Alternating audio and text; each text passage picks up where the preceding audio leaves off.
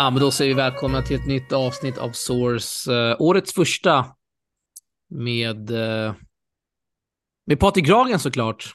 Jag vet inte varför jag tvekade där. Du är alltid med såklart. Du är i Spanien. Berätta om dina, fan, berätta om dina veckor här uh, i, är det Marbella du är i? Ja, det är det. Och jag kände väl att efter när mörkret och kylan kom så var det lika bra och sticka till eh, Marbella. Jag fick lite inspiration av dig som var på det här A6-eventet. Har du varit på tennisklubben Puento Romano?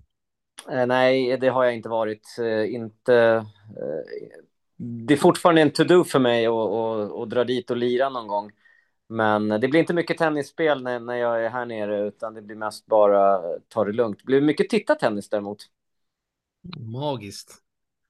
Kanske du hade, om, om du hade varit där så kanske du hade stött på din idol Danny Evans. För han träffade jag, Jimmy. Det kanske jag sa. Ja, ja, det är riktigt stort. Du träffar Danny Evans. Han är ju här en del och tränar. Även Novak är ju det. Så att det är ett, ett bra ställe för, för tennisspelare att, att vara. Det finns mycket tennisbanor överallt. Temperatur?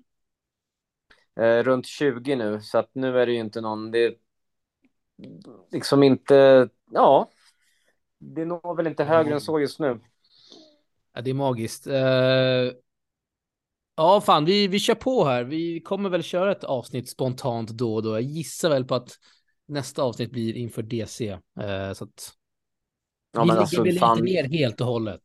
Alltså det är ju varit tvärtom. Jag tycker uh, du har kört på riktigt bra grejer här nu under årets första vecka och allting ifrån Salk. Du är liksom bombat med, med material. Tack. Jag ska ju säga det att eh, det var ju på uppdrag via Salk så att vi är ju enormt tacksamma där över eh, samarbetet. Framförallt Johan Porsbon.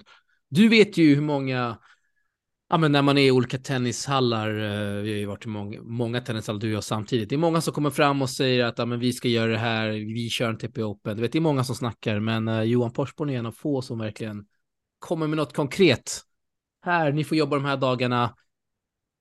Pam. Det är ja. magiskt alltså.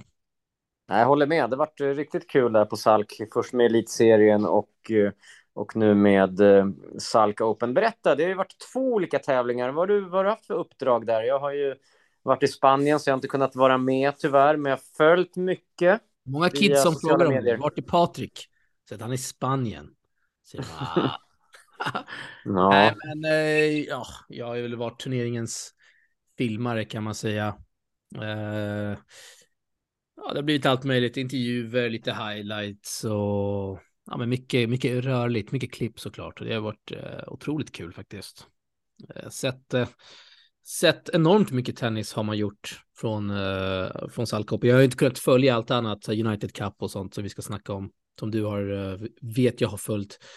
Men eh, man har ju sett otroligt mycket tennis och det har varit eh, fina dagar har det varit såklart.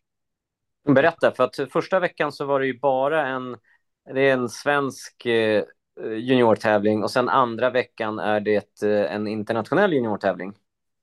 Ja, och då tioårs, eh, tioårsklassen. Första veckan var det, jag ska inte säga fel, det var väl 12, 14, 16 eh, SM då för eh, våra, våra svenskar och eh, andra veckan ITF och tioårsklassen. Så att det har varit. Eh, Just det. Ja, många av de här spelarna har man ju sett då två gånger om så att säga, för det är många som många från 16-årsklassen som eh, dels, ah, inte många, men några gick in på egen ranking där, William eh, Reichman Vichiguera, Ludvig Hede, sen var det många som hade signat in i kvalet och ja, många kom in såklart så att eh, vad är ditt intryck av, av spelarna? Av spelet, spelarna? Man kan säga så här, det är lite alarmerande är det i, om vi ska ta Salk då, Salk Open då, om vi bortser från ITFen, att det kanske är fem, fem, sex spelare i varje årskull som är väldigt bra och sen resten är ju eh, så långt ifrån så att det är liksom ett otroligt gap där mellan topp fem i varje eh, i varje årskull skulle jag säga och sen är det liksom ett eh, gigantiskt ja, vad säger man, gigantiskt mellanrum mellan de andra spelarna som kommer efter. Så att det är ju, det. det. är väl alarmerande såklart att vi inte har liksom en bättre bredd än så. Mm.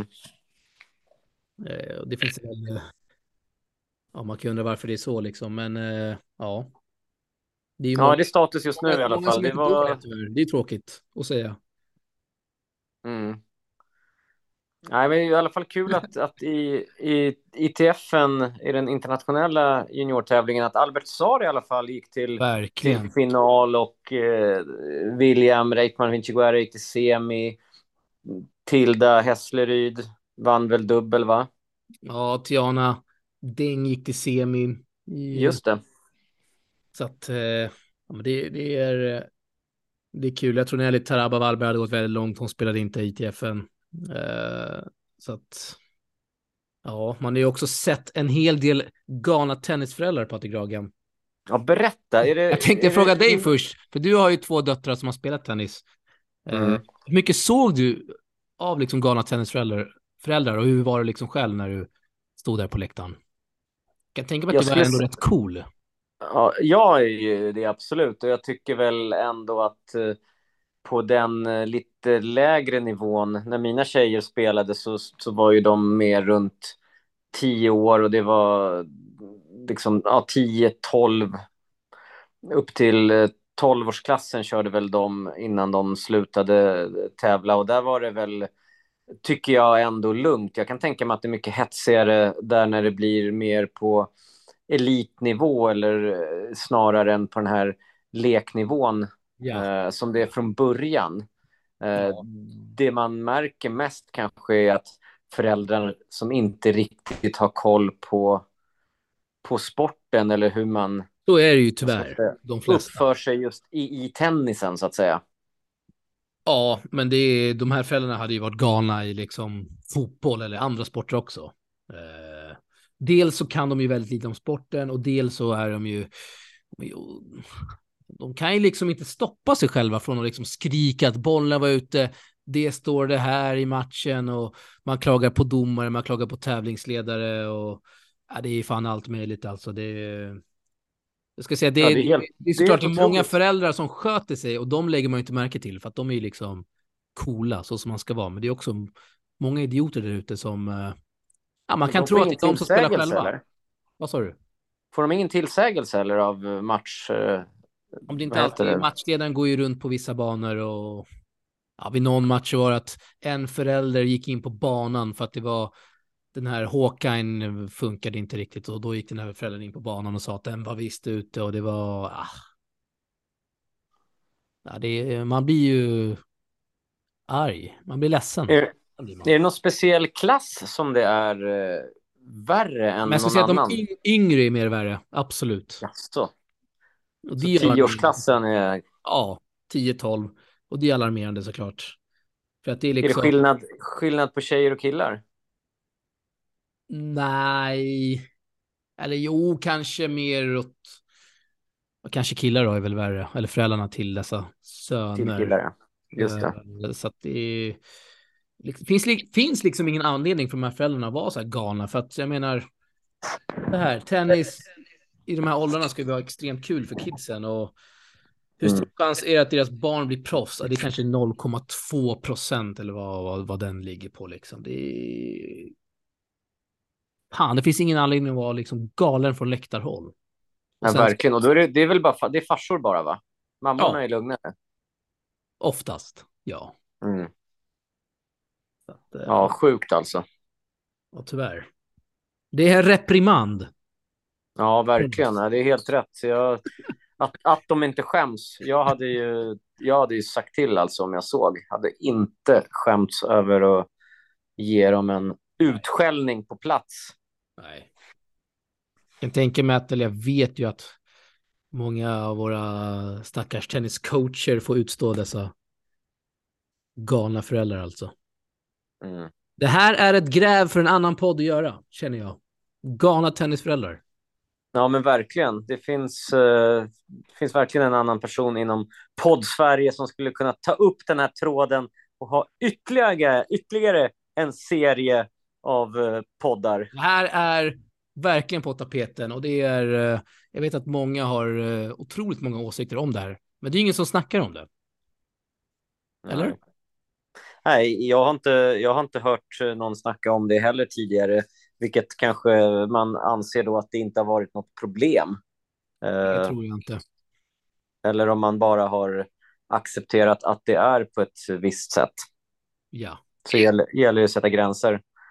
Jag får bli inhyrd som en vakt till nästa år. Då jävlar kommer de här tennisföräldrarna åka ut direkt om man uppför sig dåligt mot sina barn eller mot sina barns motståndare.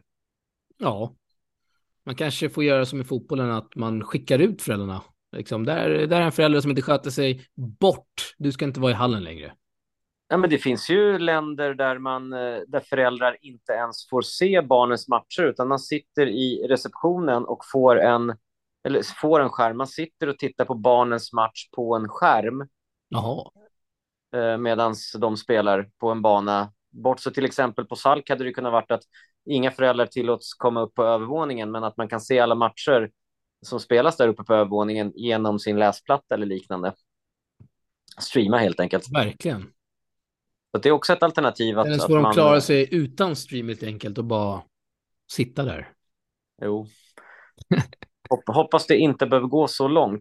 Men du, vilka, var, vilka vann alla de här klasserna då? Lea Nilsson vann 16-årsklassen och det gjorde även William Reichman Inchiguera, va? Eh, Ja, han finalslog eh, Ludvig Hede gjorde han. Rebecka Malmström var ju helt överlägsen i 14-årsklassen. Knut Anders vann 14-årsklassen för killar. Eh, 12-årsklassen, vilken var den? Står det still här. Eh, Melker Andersson från Ystad. Ja. Och på... Fan, vilka vann på tjejsidan? Eh, Ja, det, det, det får man kolla upp. Det, det är så stilla här i...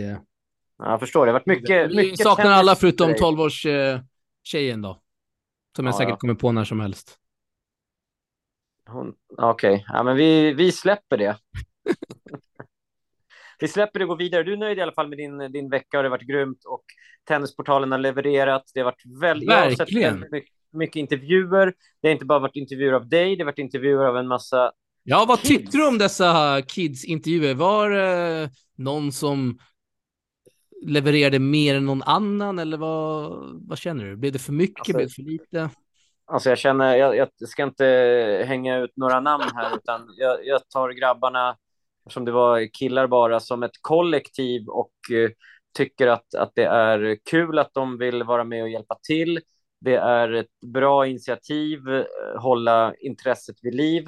Eh, frågorna de ställer, det är inte alltid lätt att ställa frågor till tennisspelare heller. Du, Vi har kanske- sett att eh, folk med mångårig erfarenhet är också typ, alltså journalister, speaker, de är ju också sämst på att ställa frågor.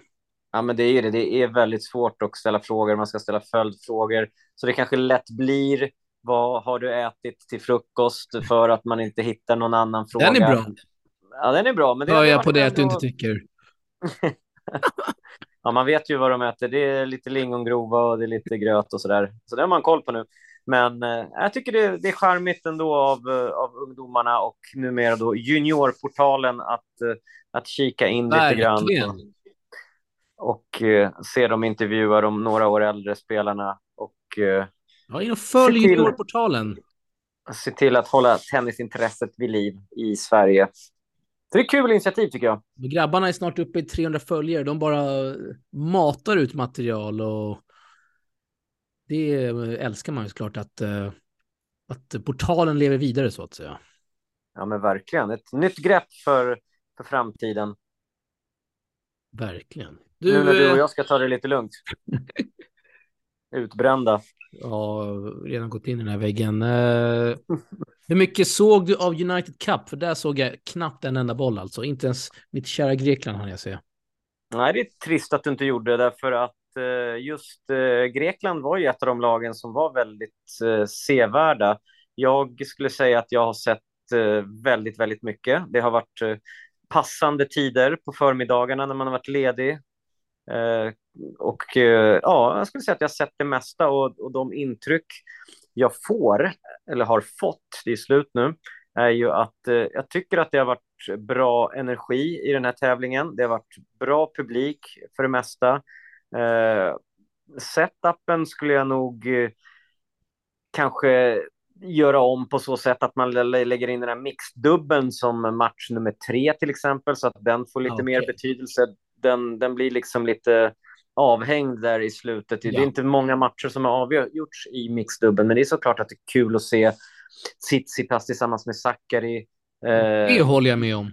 Hurkacz med Sviontek, det är ju och Taylor Fritz med, med Pegula. Det har varit, det har varit sköna, sköna par.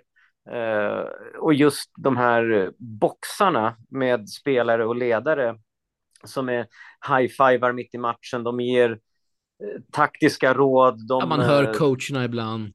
Allting. Så jag, jag tycker att det är ett, ett kul upplägg och eh, en möjlighet att få se just eh, här och damtennis synka lite grann tillsammans. Så jag tror att det här är rätt väg att gå. Jag hoppas den här tävlingen kan utvecklas och eh, ja, det framåt. Känns just till, ja, det, jag tycker att den gör det faktiskt. Uh, och det, tänk vad kul det hade varit att se ett Sverige i en sån här tävling. Ja, det, det var det jag, att, jag tänkte precis.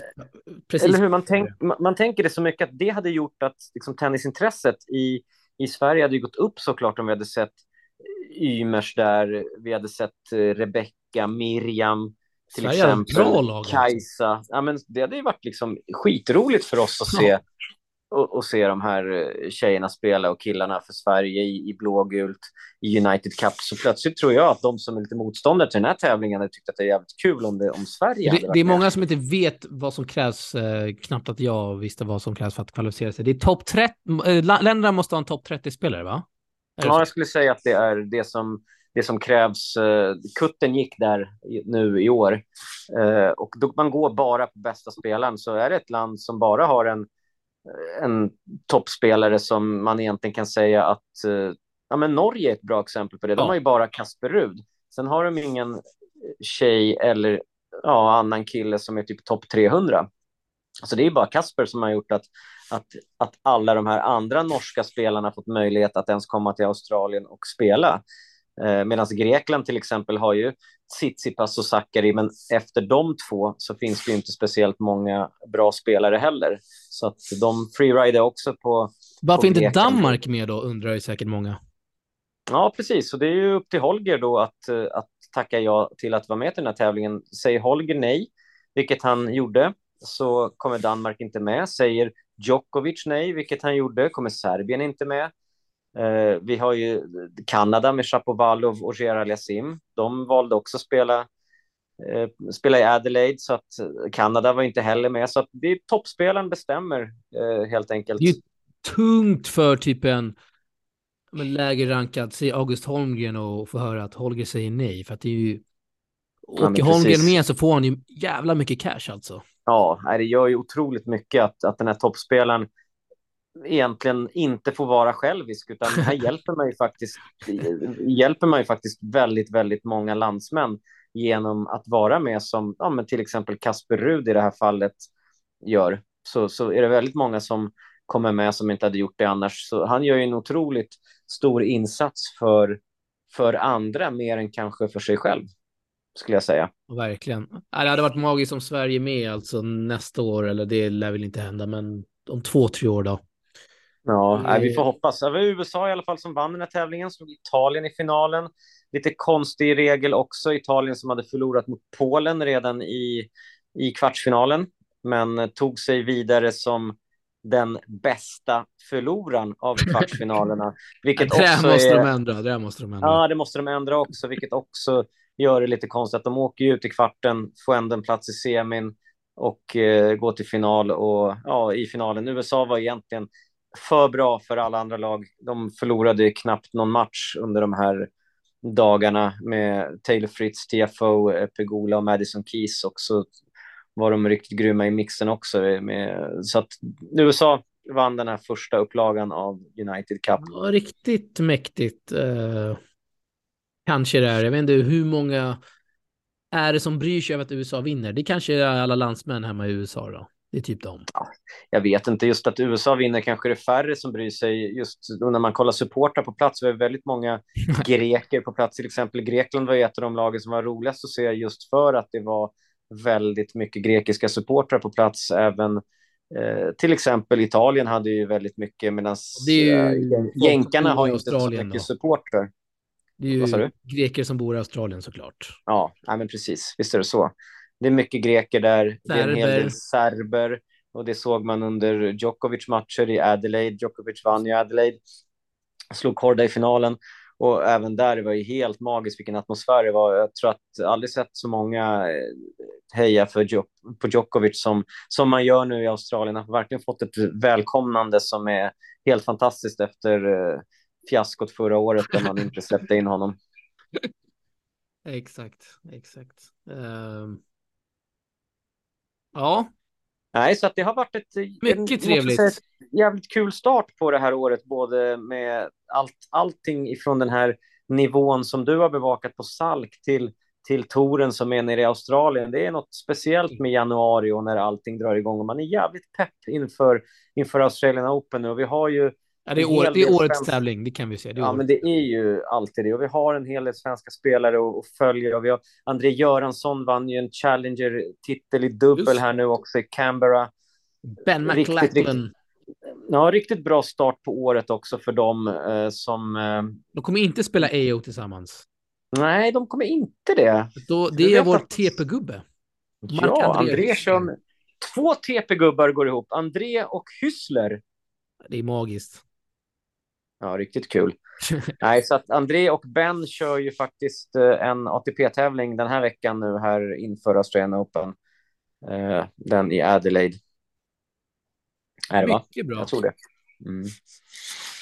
Eh, så att, ja, sen, sen börjar ju kvalet här nu under, under veckan. Och där det är redan ju... i natt, va? Ja, redan i natt börjar kvalet för er som lyssnar på ja, nattkvalet, natt mellan söndag och måndag ska tilläggas. Ja. Beroende på när man lyssnar på den här podden.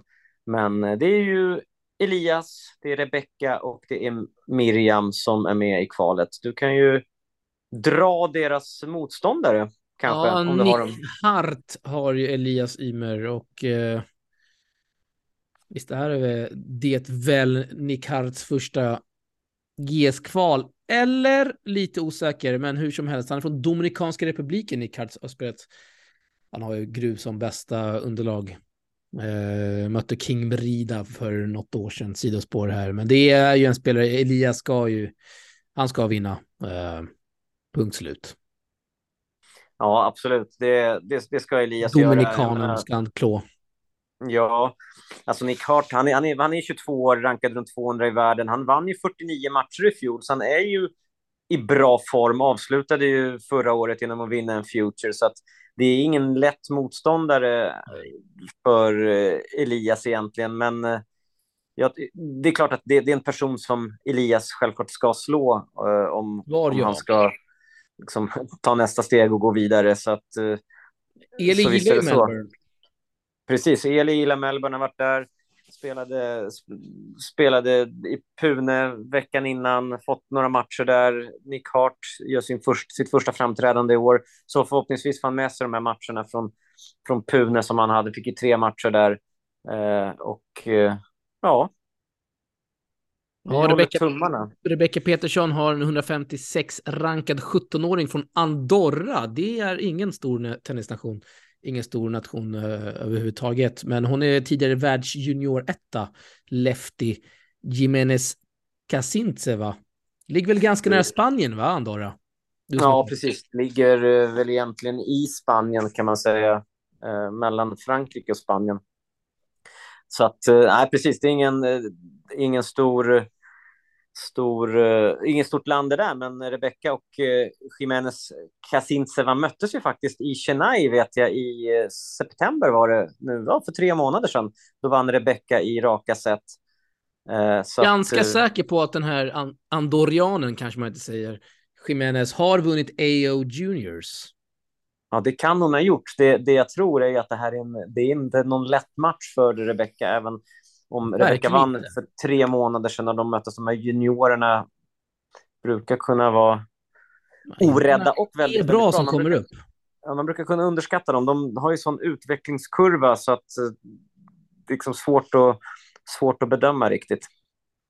är in Ja, hennes Instagram just nu, Patrik Jagan, och jag kan bekräfta att hon vann eh, Australian Open eh, 2020 Mm. junior.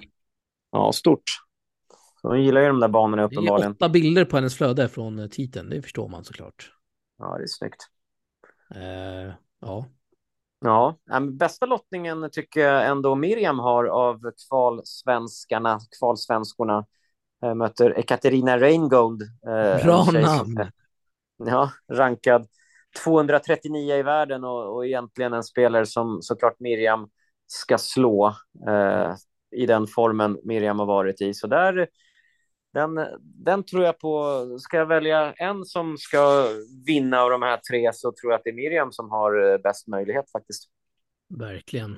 Miriam som eh, knappt har varit hemma i Sverige under försäsongen, utan hon har varit i eh, Florida och kört på. Ja. Inte dumt alltså. Nej, vi får se hur, hur det blir. Men eh, ja, Nej, man ser fram emot Australian Open helt klart. Att det börjar, kvalet börjar redan i natt är Ja, det är snabba puckar alltså. alltså. Ja, ja, så är det ju. Kvalet kan vi ju då, vi kan tipsa alla fans som lyssnar på det här, är det någonting man ska göra under, eh, ja, i sitt liv då, då är det framförallt kolla på kvalet till Australian Open. Ja, fan vad det är roligt. Det är sån... eh, Ja, det, det, det är är inte underbart. packat som det är under huvudtävlingen, då kan det vara smockat med folk alltså. Utan det Ja, är men ändå liksom grym atmosfär. Det är grym atmosfär är det. Alla är extra laddade. Night session. Night sessions, det är den här värmen mot mörkret i Europa. Det, det är liksom allt. Det, det, den har allt, det här eh, kvalet eller Australian Open överhuvudtaget. Eh, Så att ja, Sen promenerar man in till stan på typ fem minuter så är man där liksom. ja, ja det är helt underbart. Är det. Du, vi sågs ju där 2017 va? Jag minns att du såg, eh, vi träffades en gång, sen tror jag vi aldrig sågs där mer, men jag minns att du skrev sen efter att du såg någon sjuk Dustin Brown kvalmatch, stämmer det? Ja, han mötte den här döva killen Dakili. Ducky Lia. Fan, det var länge sedan man såg honom. Vad hände där? Nej, den var, ja, det var helt sjukt. Och, och Dustin Brown har ju alltid varit en publikfavorit. Och det var, den höll ju på så länge, så här 17-15 i avgörande set. Så all, all publik liksom hamnade på den banan och det var kväll. Och, och han är en showman som han är. Och honom saknar man ju helt klart i tennisen. Han spelar ju bara dubbel nu för tiden. Men, men det, var, det var också exempel på en, bara en match, random match som bara blev en liksom, riktig publikmatch. Och eh, så jäkla kul att se. Man gick därifrån med ett leende tillbaks till sitt eh, rum i Melbourne. Fan vad grymt det var. Fan vad magiskt alltså. Ja, man vill ju dit såklart. Man vill ju dit. Ja, vi får vänt, vänta ner flygbiljetterna så kommer ner. Jag såg att de var uppe, var uppe på en 30 lax. Det har man absolut inte råd med. Det är bara att Nej. glömma alltså. Från att ha liksom varit max 12-13 med så här toppflyg, Qatar eller Emirates, så är det liksom 30 000. Det är helt otroligt alltså. Ja, vi, får, vi är kvar hemma. Vi liksom går från Australian Open till att vara på Salk istället. Det är inte fy skam heller. Verkligen inte. Eh, hoppas åka ner nästa år då. Ja, fan, du var ju där en månad med, med Eli. Riktigt Ja, det var magiskt. 2020, det var precis innan covid kom.